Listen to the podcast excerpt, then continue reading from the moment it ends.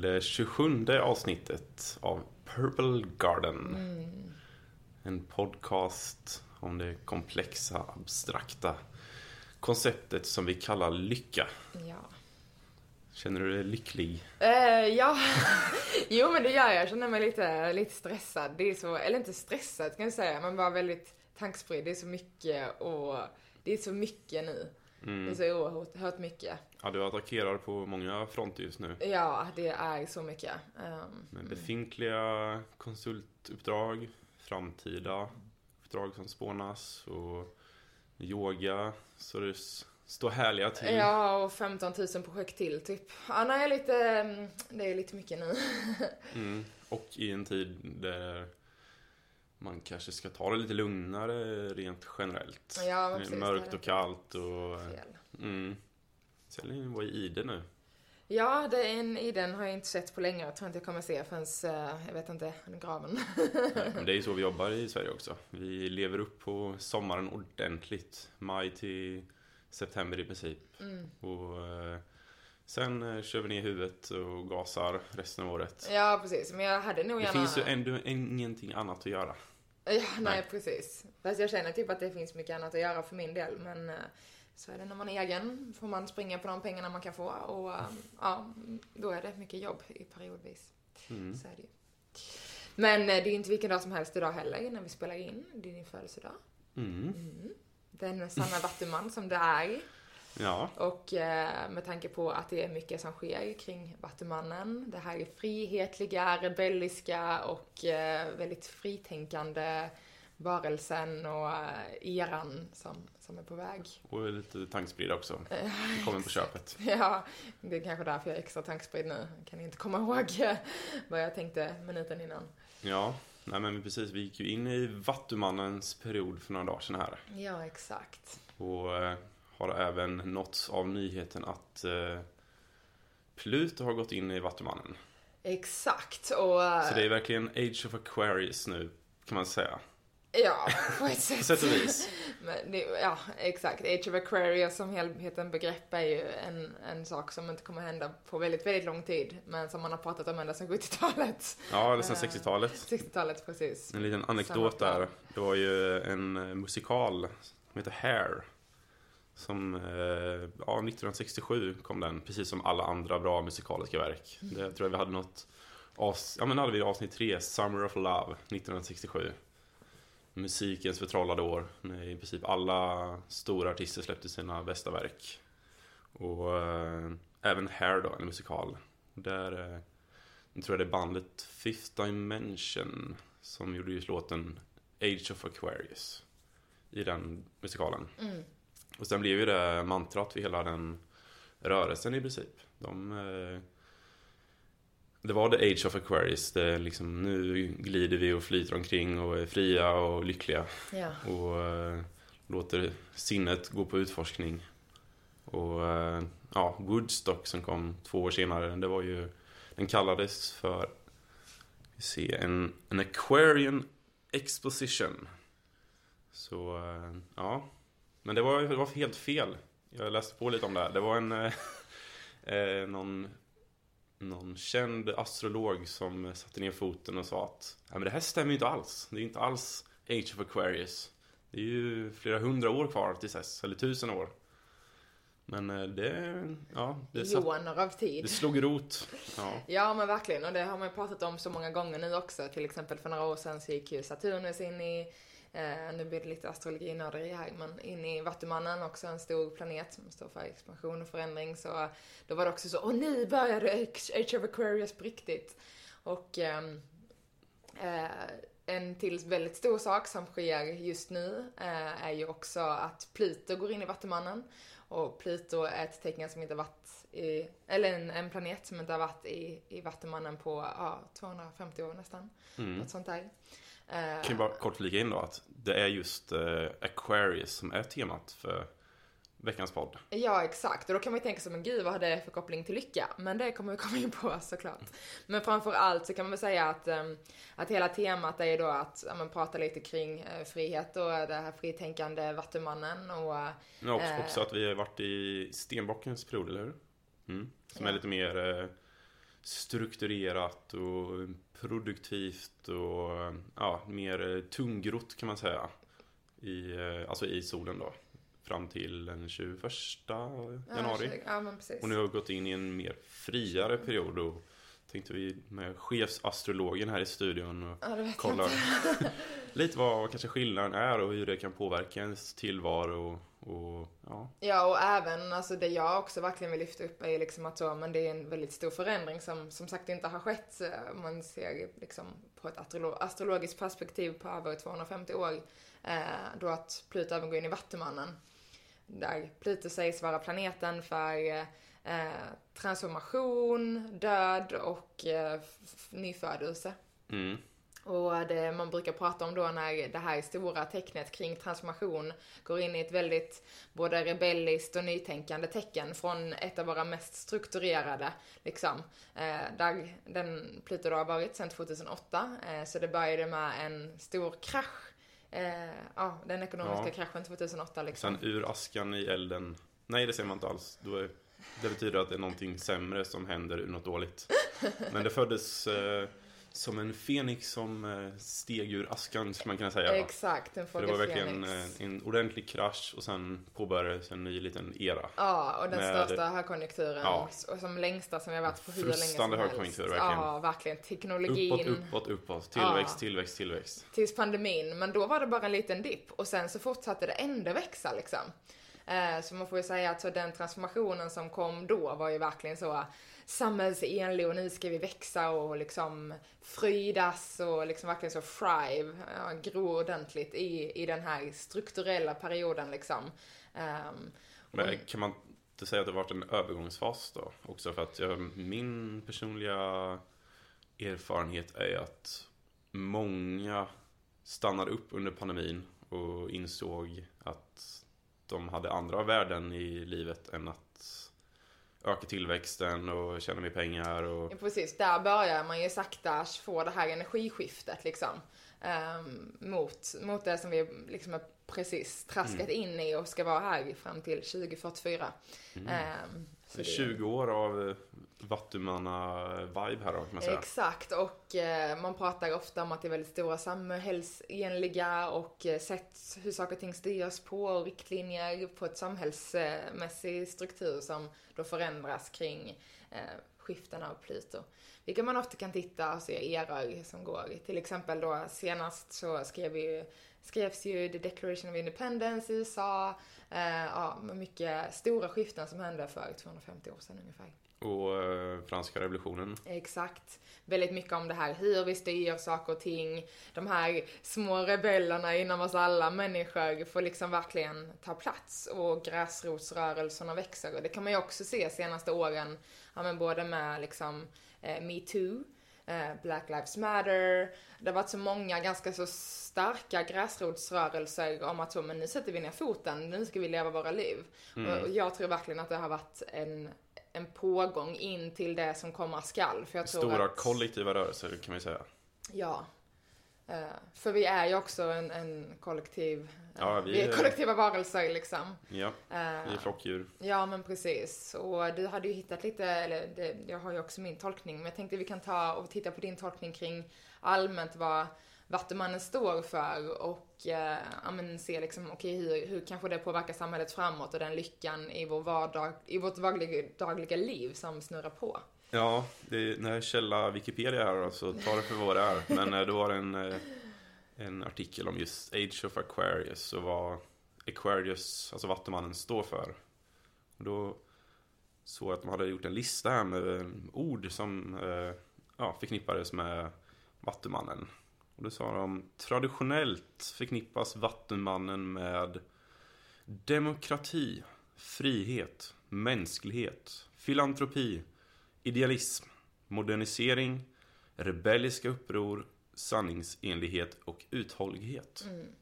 Det är smickrande ändå. Ja, men verkligen. Och, och, Skulle du säga att det beskriver mig? Jag vet inte om jag skulle säga att det beskriver dig bara liksom. Det är ju väldigt många som jag skulle säga passar in på dig. Frihet och mänsklighet skulle jag kunna ta i alla fall. Ja, verkligen. Men jag skulle inte säga att du är så rebellisk. Den Nej. energin eh, lägger du inte på det liksom. Du är nöjd med tillvaron, du behöver inte förändra den så mycket för vad, vad den är. Mer än, än där du befinner dig själv idag liksom. Mm. Skulle inte säga att det, för också något man kopplar mycket med den här perioden, det är just den här rebellismen och vi ska stå upp för människornas rättighet och alltså jag skulle väl säga liksom det är all in, Greenpeace, eh, Amnesty, eh, människor som verkligen vill så, men nu ska vi göra stora förändringar för människornas rätt att leva och det ska vara mycket mer, ehm, ja men bara jämställt och allas värde ska vara lika stort. Och, alltså det är väldigt mycket den styrkan i just kring mänskliga rättigheter och människans rätt på jorden. Mm. Ja, och, mitt egna lilla rebelliska uppror skulle ju i så fall vara att försöka njuta av livet mer och använda sitt kreativa sinne mer, tror jag. det är någonting jag precis. försöker, en liten mission jag är ute på. Framförallt med konsten, att jag ute och missionerar och lär folk att måla och, och visar att det är inte så himla avancerat och det är inte, du behöver inte ha så mycket prestation kopplat till det här utan det är känslan vi är ute efter, Mm. hur, hur du mår efteråt. Och det är faktiskt en hel del som har eh, hoppat på det tåget. Eh, sen är inte det ett rebelliskt uppror, det är lite mer smyginförande av eh, nya, ja, nya sätt att se på tillvaron kanske. Precis, och det är väl också något som, som man då pratar mycket om, alltså den här eh, rebelliska sidan som man pratar om hos Vattumannen som kvalitet. Eh, och det behöver inte då bara vara hos en Vattuman som är född i den här tiden, om man nu känner att det resonerar med ens egna, liksom, ja men det känns intressant. Utan det handlar ju allmänt om den här tiden som sker nu. Och att det troligtvis, det kanske kommer vara lite andra samhälls... Eh, förändringar som troligtvis kommer bidra, men det är också så väldigt beroende på vad man är för typ av person, men som kommer bidra i alla fall till mer frihet. Mm. Men det är ju också det här friheten under ansvar med tanke på hur samhället ser ut. Men troligtvis en frihet som kan ge en till, leda ens, ens personliga liksom, liv till större lycka. Eh, och jag tror mycket det är det hela det här liksom rebelliska biten handlar om. Det handlar inte om att så, nu ska vi vända upp och ner på världen och göra kaos. Nej. Utan snarare om att så, men nu ska vi komma närmare vår lycka och vårt inre. Eh, på ett frihetligt och eh, liksom eh, Ja, för vi pratar ju, vi, mänskligt plan. vi pratade i något tidigare avsnitt, fem avsnitt sen kanske, om eh, frihet eh, versus trygghet. Mm. Att det ofta är kontraster, att man ofta får välja en av dem. Att man, man sällan har lyxen att kunna ha båda. Och eh, vi, man kan ju säga att vi har varit i trygghetsperioden då med Stenbocken. Att eh, det har varit eh, väldigt bra ekonomiskt för många. Liksom. Mm. Det, vi har varit trygga. Och fram tills att eh, ryssen tågade in i Ukraina så var det också relativt eh, fredligt och tryggt på det här sättet också. Medan vi nu matas med skrämselnyheter om att ja, det kan bli krig i Sverige och ja. Så tryggheten har vi bör, är vi på väg att fasa ut mot kanske en, en eh, frihet nu då. En tillvaro av mer frihet. Exakt, och det tror jag kommer vara ett svårt skifte för många, för frihet är obehagligt. Ja, frihet kan ju också förkopplas med osäkerhet. Att man inte har någon tydlig struktur och rutin. Verkligen. Och det finns ju många mer professionella astrologer som, som förespråkar att det är det som kommer hända nu, liksom att det kommer vara en jobbig period för många att, att ställa om sig. Det kommer bli en mer global värld. ehm, för att det kommer helt enkelt vara för, för otryggt. Detta är ju verkligen bara konspirationsteorier. eh, Mm. Få med foliehattarna här. Ja, ja men verkligen. Men just att för det kommer vara för otryggt att sätta sin trygghet till en stat liksom. Mm. Eh, Och att gränserna mellan staterna kanske kommer suddas ut lite mer. Så vi eh, utvecklar EU till eh, WU då. World Union. World Union. Men det ser man ju också, och det behöver inte heller handla om att så, men det ska ske massa strukturell förändring i hur land styrs och sånt. Men det är bara att titta på hur vi ser på oss själva som mänsklighet. Till exempel, ja, men krisen, ja, men dels i Ukraina såklart, men också det som sker i, i Gaza. Mm. Eh, Och det är också så, vi är så sjukt involverade i andra människors liv och icke-liv i många fall uh, kring krig liksom. Mm. Och jag tror att det kommer bara bli större och större och större. Världen blir bara mer och mer global för varje dag som går. Ja, och samtidigt på andra sidan Atlanten så är det ju en, en viss herre som eh, ser ut att uh, få tillbaks uh, makten. Uh, Donald Trump. Ja, men och han, precis. jag tror att där vi fick se förra gången, alltså mellan 2016 och 2020, det var nog bara en försmak. Ja, och nu är det ju ett ladd, en laddad stämning i hela landet på något sätt. Det är verkligen två läger som fullkomligt hatar varandra. Mm. Och så ska han komma in i, i grytan här och röra om. Eh, så på tal om att vi kanske får se ja, vad sa du, franska revolutionen och eh, independence, allt det där. Det, ur en underhållningssynvinkel, om man får använda det, så kommer det bli intressant ifall han får makten tillbaka.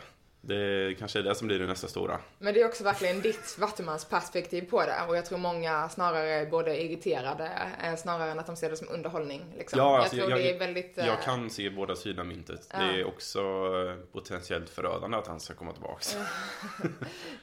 Han känns inte som eh, en person eh, lämplig att leda världens mäktigaste land. Ja, nej, men precis. Men det är också väldigt spännande när vi tittar på hela den tiden som, ja men dels all orolighet som är och ja, funderingar på styrelse framåt av olika länder och olika landstrukturer. Alltså vem vet, Ukraina kanske inte finns som land eller Ja, så ja, kanske det händer alltså- något och Ryssland upplöses. Det, vet Jag tänker, ju alltså, det är en ta- tanke jag har är att Ryssland kanske styckas upp och blir men ett gäng mindre demokratier. Ja, kanske. Samtidigt har vi Kina där som håller dem i handen. Och, Ja, ja, Kina vill man inte ens tänka på. Nej. Inte, och det är så inte mycket ens vi inte ens vet inte bakom ens- ytan heller. Inte ens vi vattumän vill eh, tänka på Kina för mycket. Nej, det är bara 100% eh, skräck och oro när man blicka ditåt. Ja, precis. Men för att dra ihop det här ändå lite mer liksom till att så koppla tillbaka det till, till ämnet lycka. Så det är mycket som kommer ske framåt. Alltså oavsett, det är mycket oroligheter och förändringar i världen. Eh, vare sig vi vill det eller inte liksom. Men jag tror att den här tidsåldern som kommer nu med Pluto då i Vattumannen, eller om man bara allmänt vill se det som att okej, det, är- det är något nytt som håller på att fasas in. Sen pandemin, världen som vi vet den är inte detsamma. Det kan vi sätta i sten nu liksom. Det kommer aldrig bli som det var innan pandemin, oavsett vad Nej, som nej. händer. Så jag tror så den perioden och övergång, för nu är vi i en övergångsperiod till något nytt som ska födas fram. Vi har ingen Mm. aning om vad det ska Ja, vara. man märker det. Det pyr liksom. Mm. Ingen, det har inte riktigt stabiliserats än. Precis. Vi vet inte riktigt vilken riktning vi är på väg. Nej, och jag tror att för många, dels innebär det ju den här oron och att inte veta. Det är så jobbigt att inte ha vetskap kring saker och ting. Mm. Vilket kan ge folk en oerhört stor, eh, liksom, vad ska man säga, olycka. Ja, för där Eh. är vi olika. Du gillar ju att kunna ha lite kontroll över vad som komma skall. Ja. Medan jag Inte kan... kontroll, jag vill mest bara veta liksom. Ja, precis. Medan jag kan tycka att det är väldigt spännande när det är ovisst och... Och det är ju typiskt Vattumannen i det här sammanhanget liksom. Vi vill röra runt lite i grytan. Vi vill ta den där stora sleven och snurra och se vad som händer när vi slänger upp den där skeden på tallriken liksom. Ja, men det jag tänker komma till, det är väl ett tips man kan skicka ut om det är någonting man vill kanske jobba på, alltså i sin egna personliga utveckling, alltså framåt, så kanske det är just att eh, vara mer, bli mer eh, avslappnad och öppen för förändringar. Att, eh, för det kommer ske. Det kommer vara en kanske mer otydligare och eh, friare värld framöver, på gott och ont. Ja. Och att man får helt enkelt bli, vara beredd på att eh, anpassa sig efter nya situationer och finna någon form av trygghet i det. Exakt. Och mycket, jag tänker så verkligen, och det vi pratade om förra veckan också, men hitta din inre lycka. Liksom. Vad händer om vi plockar bort allt det där yttre? Ja men då kanske vi är helt tomma och platta och liksom ingenting. Mycket, ja, Men, men då måste vi börja gro det där inre fröet för vår inre lycka i, det, i den omgivningen vi har för tillfället, för stunden. det är en jättebra poäng. Alltså, om man kollar på när pandemin kom exempelvis, så var det många människor som hängde upp hela sin lycka eller glädje i tillvaron på att exempelvis resa. Det var många som, eh, det var det enda som eh, inbringade glädje. Att resa och upptäcka nya platser, eh, vilket är fullt förståeligt. Det är ju fantastiskt att resa och utforska världen. Men sen blev det ju en ordentlig käftsmäll när, ja nu får inte flyga längre. Och eh, att överlag hänga upp saker på yttre omständigheter är ju lite farligt. Att man, man kan ju ha en kombination av båda. Man kan ju såklart unna sig sådana här saker. Men försöka hitta saker i tillvaron som inbringar glädje och harmoni utan att det är Ja, utan att det är yttre faktorer som spelar in. Ja, och kanske framför allt kopplat till samhällsstrukturen som den ser ut idag liksom. Mm. Den kommer förändras. Eh, det, det är det enda vi vet liksom. Och sen Mm. är det en trögflytande eh, liksom, process. Det är inte något som sker över en natt, över en dag, över ett år. Ehm, Men det är fortfarande skiften som sker liksom. Mm. Ehm, och jag tror att det är, eh, ja men det, det är så, var, var hittar jag min lycka liksom? Är lyckan i jobbet? Är lyckan i min familj? Är lyckan i eh, något jag gör, skapar aktiviteter i mitt liv? Människor runt omkring mig? Platser jag åker till liksom. Mm. Och att verkligen hitta den, den delen och hålla starkt vid den när förändringarna sker på utsidan. Mm. För det, ja, det är så, det pratas ju även om att så många bolag, eh, då när man är egen så har man koll på sånt här. Men förra året var det många bolag som gick i konkurs. Det pratas om att ännu fler bolag ska gå i konkurs detta året. Vilket innebär ännu mer osäkerhet för folk, ännu mer strukturella förändringar i ens omgivning, i ens liv liksom. Mm. Ehm, och, och det är så, det är fruktansvärt att bli av med sitt jobb liksom. Eh, och det är kanske den enda starka tryggheten man har i sitt liv. Mm. Men det är så också, men om vi Också kan... ett sammanhang där man har vänner, och- alltså bekanta, man har ett syfte, ja. mening. Eh, Och det är samma sak där, att eh, hänga upp hela sin eh, tillvaro eller hela sin, alla, Existens. ja men hela sin existens på en, ett jobb är ju också farligt. Mm. För om man blir av med det, då försvinner ju allt. Exakt. Så eh, försöka hitta små glimtar här och där i tillvaron som inte är beroende av yttre faktorer. Ja, Det precis. kan ju vara, vara möten med människor man tycker om. Eller en hobby. Eller Ja. vad som helst. Det kan, Känna tacksamhet Ja. visar ju på jättestark ökning av lyckan i ens liv. mm, ta skogspromenader. Mm, ja, det visar ju också på mycket ökad lycka.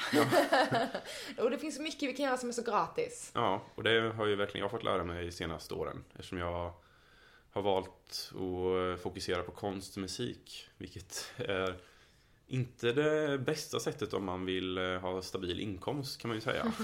Förbaskat kul men eh, ja, inte så säkert ekonomiskt eh, eh, tryggt då kanske. Men eh, då har jag ju lärt mig att eh, hitta många andra faktorer som gör mig ja, men, glad och harmonisk i Mm. tillvaron. Mm.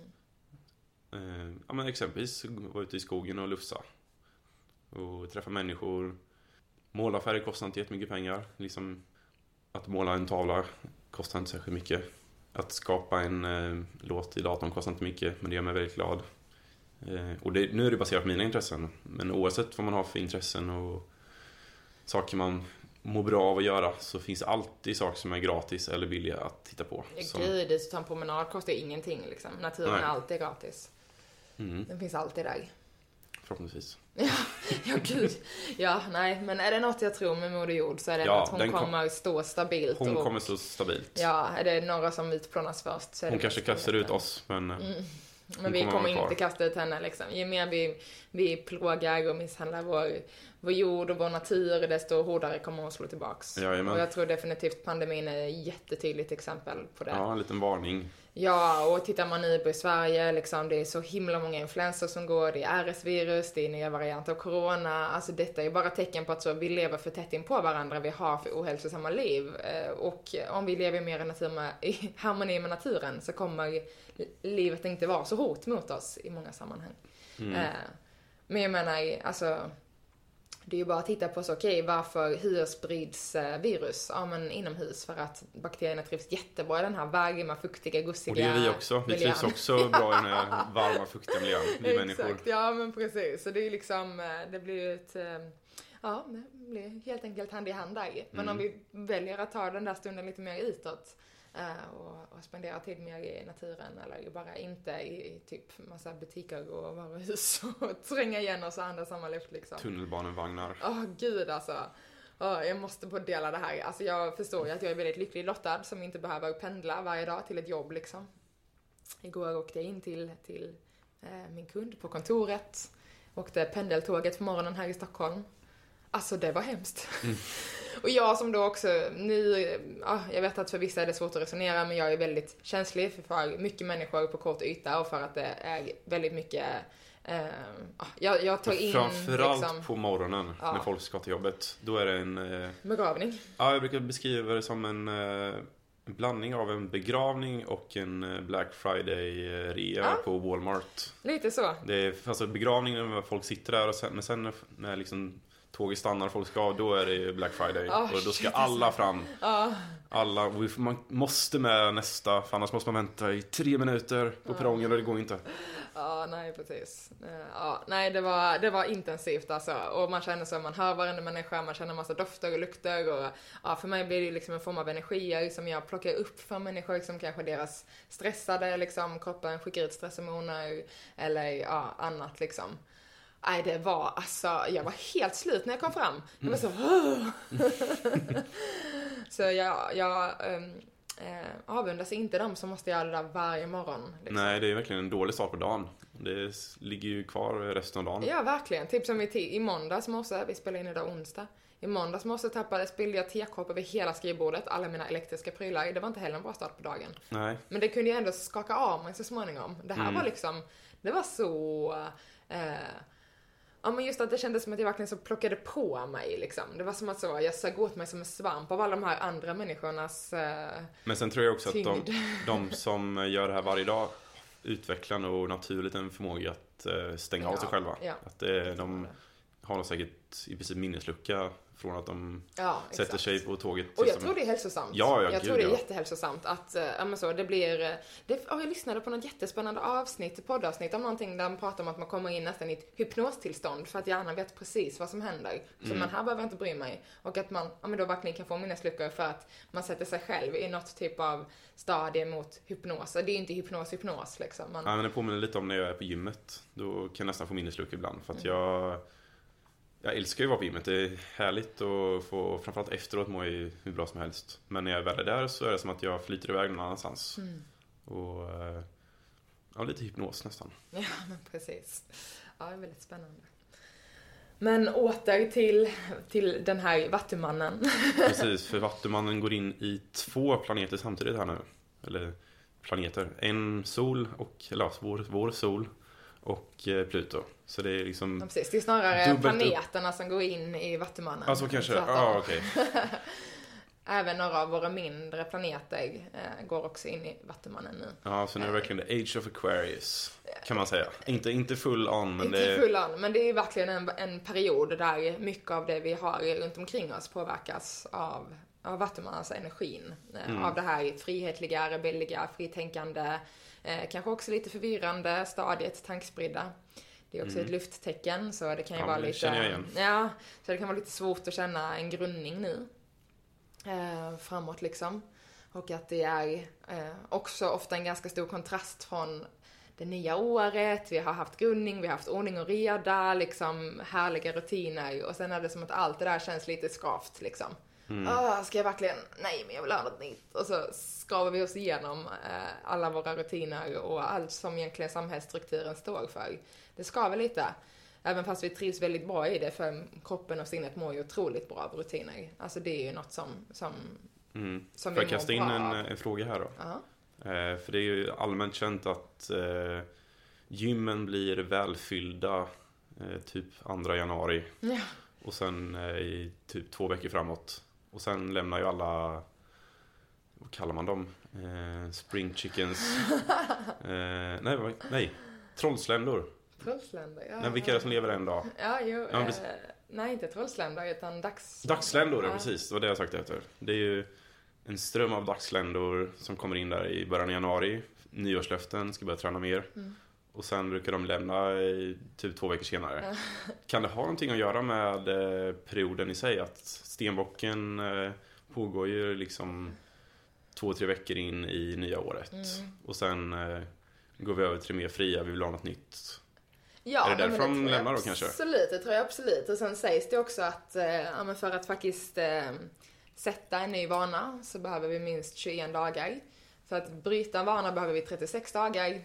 Detta är liksom, ehm, det är inte helt satt i sten, men det visar sig att det tar så lång tid att underhålla våra neuroner i hjärnan för att dels skapa eh, nya banor och mönster och rutiner i kopplingen mellan våra synapser i våra neuroner i hjärnan. Mm. Och det sägs också att det tar 36 eh, dagar för att en sån här bana som vi har haft innan ska släppa liksom. Eh, och inte vara, vara den rutinen som vi kanske är vana vid liksom. Mm. Som vi har gjort någonting i 21 dagar. Eh, och detta är väl lite så plus minus person till person, hur intensivt man gör saker och ting, hur mycket vi underhåller de här banorna i hjärnan. Ja, vad synd, för då får jag flika in då. Ja. Eh, för de flesta, ingen börjar ju träna den första januari, för då är man ju Bakis. bakis. Eh, andra januari kanske man börjar, men är fortfarande lite sliten. Mm. Men Låt säga att de flesta börjar kanske den tredje januari då. Mm. då har, och, och Vattumannen börjar den 21.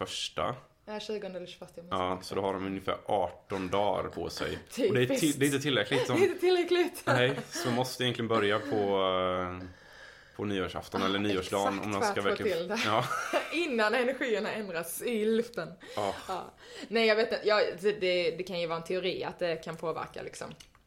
Eh, absolut. Men jag tror också att, eh, eh, att det handlar om att Eh, ja men dels är det ju en period av mycket sjukdom nu liksom. Alltså framförallt om man har barn och familj och vab liksom. Alltså det är ju, Mm, Februari. februari kommer snart.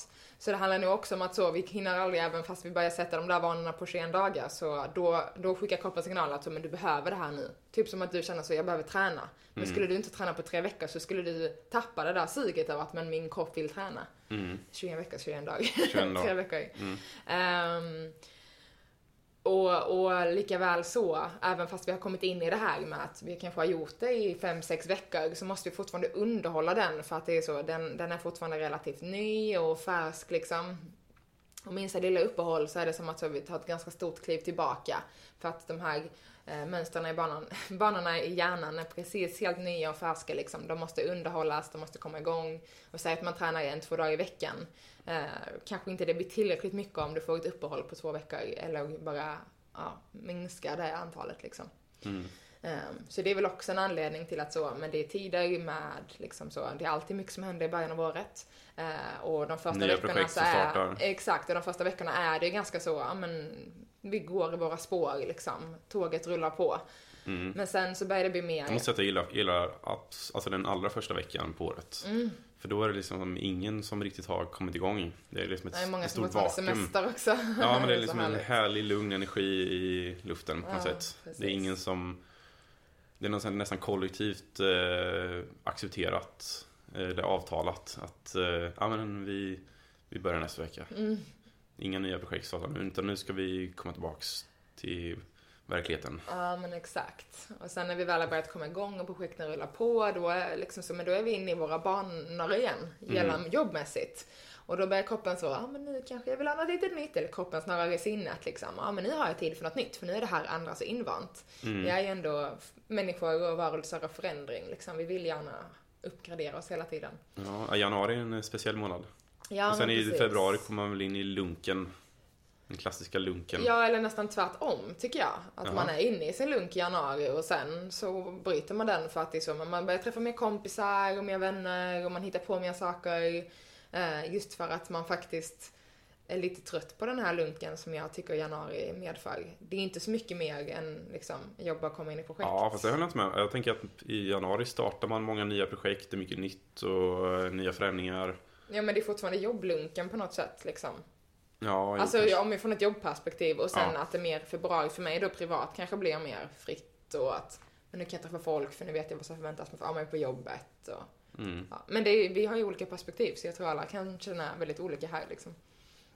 Men att, eh, ja men att vi kanske ändå prioriterar den där AWn en onsdag istället för att gå till träningspasset liksom.